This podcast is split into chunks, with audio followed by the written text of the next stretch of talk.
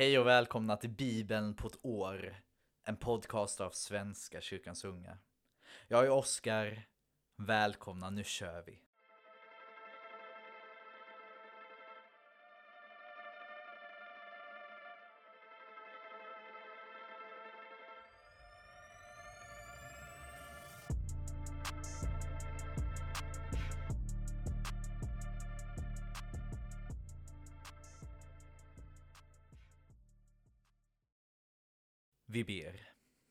Tack Gud för idag.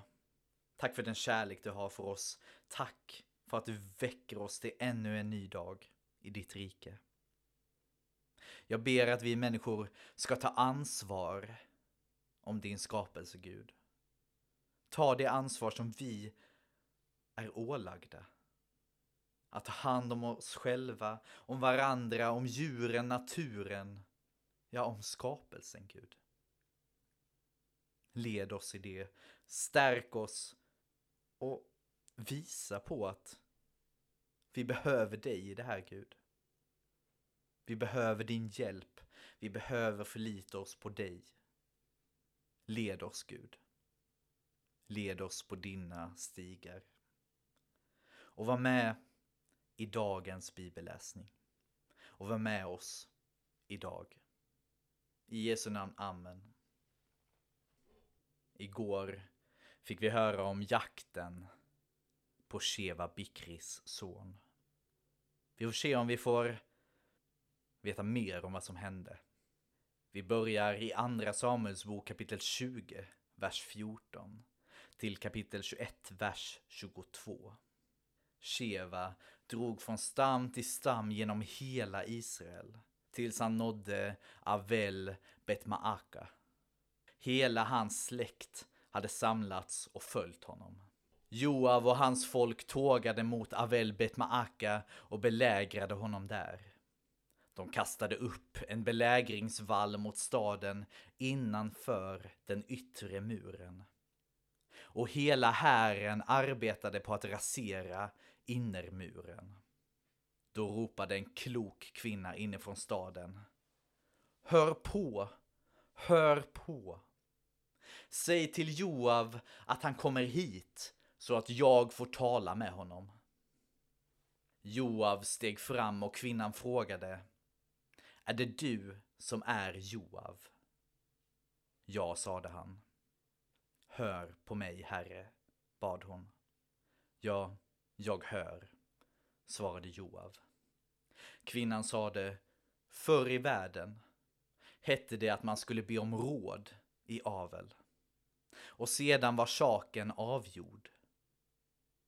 Vi hör till de mest fridsamma och trofasta i Israel och nu vill du ödelägga denna stad, denna moder i Israel. Varför vill du förgöra Herrens egendom? Joav svarade. Inte vill jag förgöra och förstöra, långt därifrån. Det är istället så att en man från Efraims bergsbygd, Sheva, Bikris son, har gjort uppror mot kung David. Utlämna honom, bara honom, så drar jag bort från staden. Hans huvud ska kastas ut till dig över muren, sade kvinnan. Sedan gav hon folket detta kloka råd och de högg huvudet av Sheva Bikris son, och kastade ut det till Joav. Han lät oss stöta i horn, hären upplöstes och var och en gick till sitt. Joav själv återvände till kungen i Jerusalem. Joav var överbefälhavare och Benaja, Jojadas son, förde befälet över kariteerna och peleterna. Adoram förestod tvångsarbetena. Josafat, Achiluds son, var kansler och Sheva kunglig sekreterare. Sadok och Evjatar var präster. Också Ira av Jairs ett var präst hos David. Under Davids regering utbröt en hungersnöd som varade i hela tre år. David rådfrågade Herren och Herren svarade Blodskuld vilar på Saul och hans släkt för de givoniter som han dödade. Då kallade kungen till sig givoniterna. De tillhör inte israeliterna utan är en amoreisk folkspillra.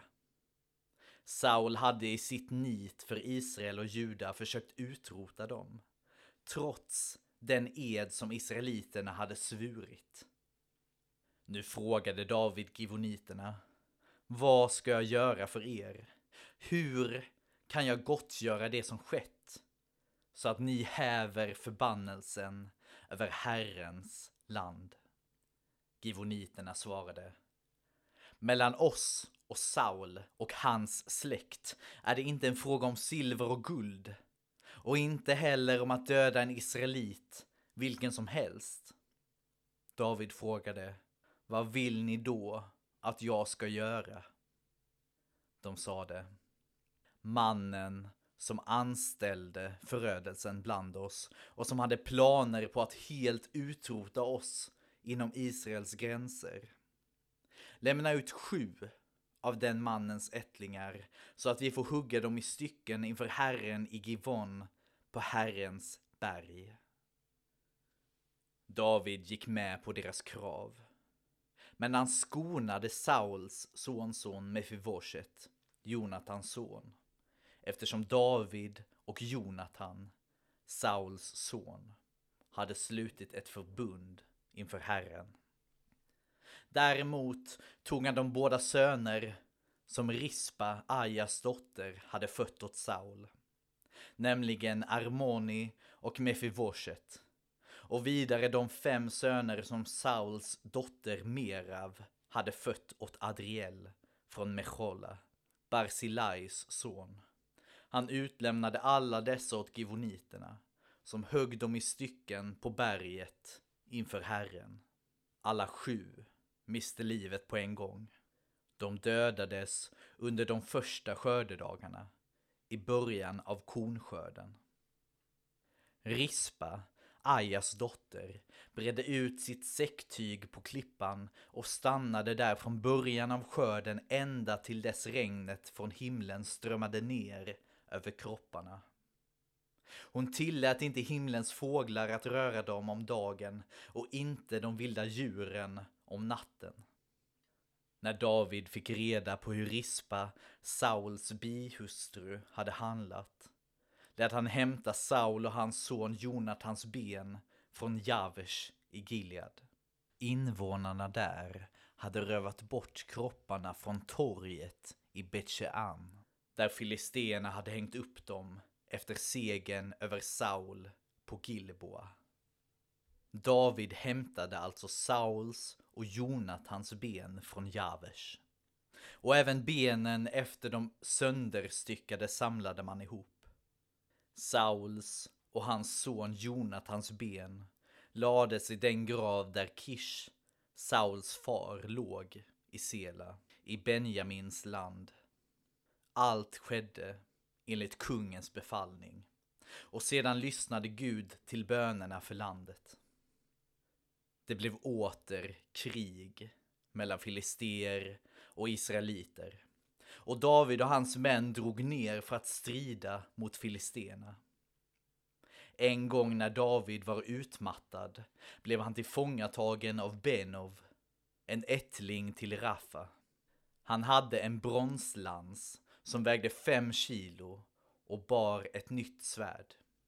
Benov tänkte döda David. Men Avishai, Serujas son, kom till undsättning. Han slog ner filisten och dödade honom. Då sade Davids män, svär att du aldrig mer drar ut i strid med oss. Du får inte släcka Israels lampa. Efter en tid utkämpades åter en strid med filisterna vid Gov och Sibekai av Hushas släkt dräpte då Saf som var av Rafas ett. Ännu en strid utkämpades med filisterna vid Gov och Elchanan från Betlehem, Jairs son, dödade då Goliat från Gat, vars spjutskaft var tjockt som en vävbom. Ytterligare en strid utkämpades vid Gat. Där deltog en jättelik man med sex fingrar på var hand och sex tår på var fot. Sammanlagt 24. Också han var ättling till Rafa. Han hånade och utmanade Israel men blev nerhuggen av Jonatan, son till Davids bror Shima. Dessa fyra var ättlingar till Rafa i Gat och de stupade alla för David och hans män. Ja, mycket strid och krig mellan israeliterna och filisterna. Och nu, mina vänner, ska vi börja i apostlagärningarna. Där vi får följa apostlarna och deras gärningar. Och på samma sätt som Lukas är skrivet till Teofilos så är även apostlagärningarna det. Så man tänker ju att det är liksom den andra delen av den författarens verk.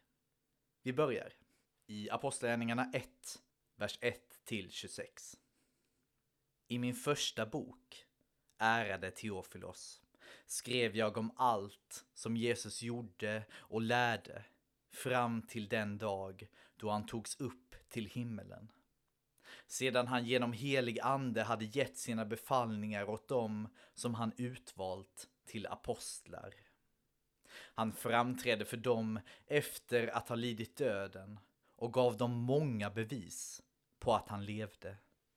Då han under 40 dagar visade sig för dem och talade om Guds rike. Och under en måltid tillsammans med dem sade han åt dem att inte lämna Jerusalem utan vänta på det som Fadern hade utlovat. Det som ni har hört mig tala om, sade han. Johannes döpte med vatten, men ni ska bli döpta med helig ande om bara några dagar. De som hade samlats frågade honom. Herre, är tiden nu inne då du ska återupprätta Israel som kungarike? Han svarade. Det är inte er sak att veta vilka tider och stunder Fadern i sin makt har fastställt. Men ni ska få kraft när den heliga anden kommer över er. Och ni ska vittna om mig i Jerusalem och i hela Judeen och Samarien och ända till jordens yttersta gräns. När han hade sagt detta såg de hur han lyftes upp i höjden och ett moln tog honom ur deras åsyn. Medan de såg mot himlen, dit han steg upp, stod plötsligt två män i vita kläder bredvid dem. Galileer, sade de. Varför står ni och ser mot himlen? Denne Jesus som har blivit upptagen från er till himmelen ska komma tillbaka just så som ni har sett honom fara upp till himlen. Då återvände de till Jerusalem från det berg som kallas Olivgårdsberget och som ligger bara en sabbatsväg från staden. Och när de kom dit gick de upp till det rum i övervåningen där de höll till. Petrus, Johannes, Jakob och Andreas. Filippos och Thomas, Bartolomaios och Matteus, Jakob, Alfaios son, Simon Seloten och Judas, Jakobs son. Alla dessa höll ihop under ständig bön tillsammans med några kvinnor, Maria Jesu mor och hans bröder. En dag vid den tiden tog Petrus till orda inför bröderna. Omkring 120 personer var samlade och sade Mina bröder, De ord i skriften skulle uppfyllas som den heliga anden lät David säga om Judas. Han som blev vägvisare åt dem som grep Jesus. Han var en av oss. Och han hade fått samma uppdrag som vi. Med lönen för sin ogärning köpte han sig en bit jord. Men där föll han framstupa och buken sprack så att alla inälvorna rann ut. Det blev känt för alla i Jerusalem och sedan kallades platsen på deras språk för Akeldamak, det vill säga blodsåkern. I Saltaren står det Må hans boplats läggas öde. Ingen ska bo där. Och må hans ämbete övergå till någon annan. Därför måste nu någon av dem som var med oss under hela den tid då Herren Jesus kom och gick ibland oss, från det att han döptes av Johannes fram till den dag då han blev upptagen från oss. Någon av dem ska vittna tillsammans med oss om hans uppståndelse. Två blev föreslagna. Josef Barsabas, som kallades Justus, och Mattias. Och man bad, Herre, du som känner allas hjärtan, visa oss vilken av dessa båda du har utvalt till denna tjänst som apostel efter Judas, som övergav sin plats för att hamna där han hör hemma. Så kastade de lott och lotten föll på Mattias och han upptog som den tolfte bland apostlarna. Ja, nu fick vi höra om Jesus sista befallningar innan han försvann upp bland molnen och vem som skulle efterträda Judas, vilket då blev Mattias. Spännande början. Vi får se vart det bär av. Vi läser Saltaren, psalm 121, en vallfartssång. Jag ser upp mot bergen. Varifrån ska jag få hjälp? Hjälpen kommer från Herren som har gjort himmel och jord. Han låter inte din fot slinta, han vakar ständigt över dina steg. Han sover aldrig, han vakar ständigt, han som beskyddar Israel. Herren bevarar dig. I hans skugga får du vandra, han går vid din sida. Solen ska inte skada dig om dagen, inte månen om natten. Herren bevarar dig från allt ont, från allt som hotar ditt liv. Herren ska bevara dig i livets alla skiften, nu och för evigt. Det här påminner mig om när jag var med i en kör under gymnasiet, tror jag det var. Och då sjöng vi en sång som nog utgår från den här, antar jag. För, för man sjöng om hur man ser upp mot bergen. Varifrån ska min hjälp komma? Ja. jag kommer inte ihåg vad sången heter, men jag tyckte den var väldigt bra i alla fall. Så om ni hittar den så skriv till mig så jag får veta vad det är den heter. Vi avslutar i Ordspråksboken, kapitel 16, vers 18. Övermod följs av nederlag. Högmod går före fall. Ja, efter en topp så kommer ofta en, ett fall. Så det gäller att vara redo för det. Samla i sina lador inför när det går sämre. Och be. Och försöka vara realistisk. Att inte ha för mycket övermod eller ha för mycket högmod. För man överskattar ofta sig själv och sina kunskaper. Ofta också underskattar man sig själv och sina kunskaper. Så det gäller att hitta en balans. Tror jag verkligen.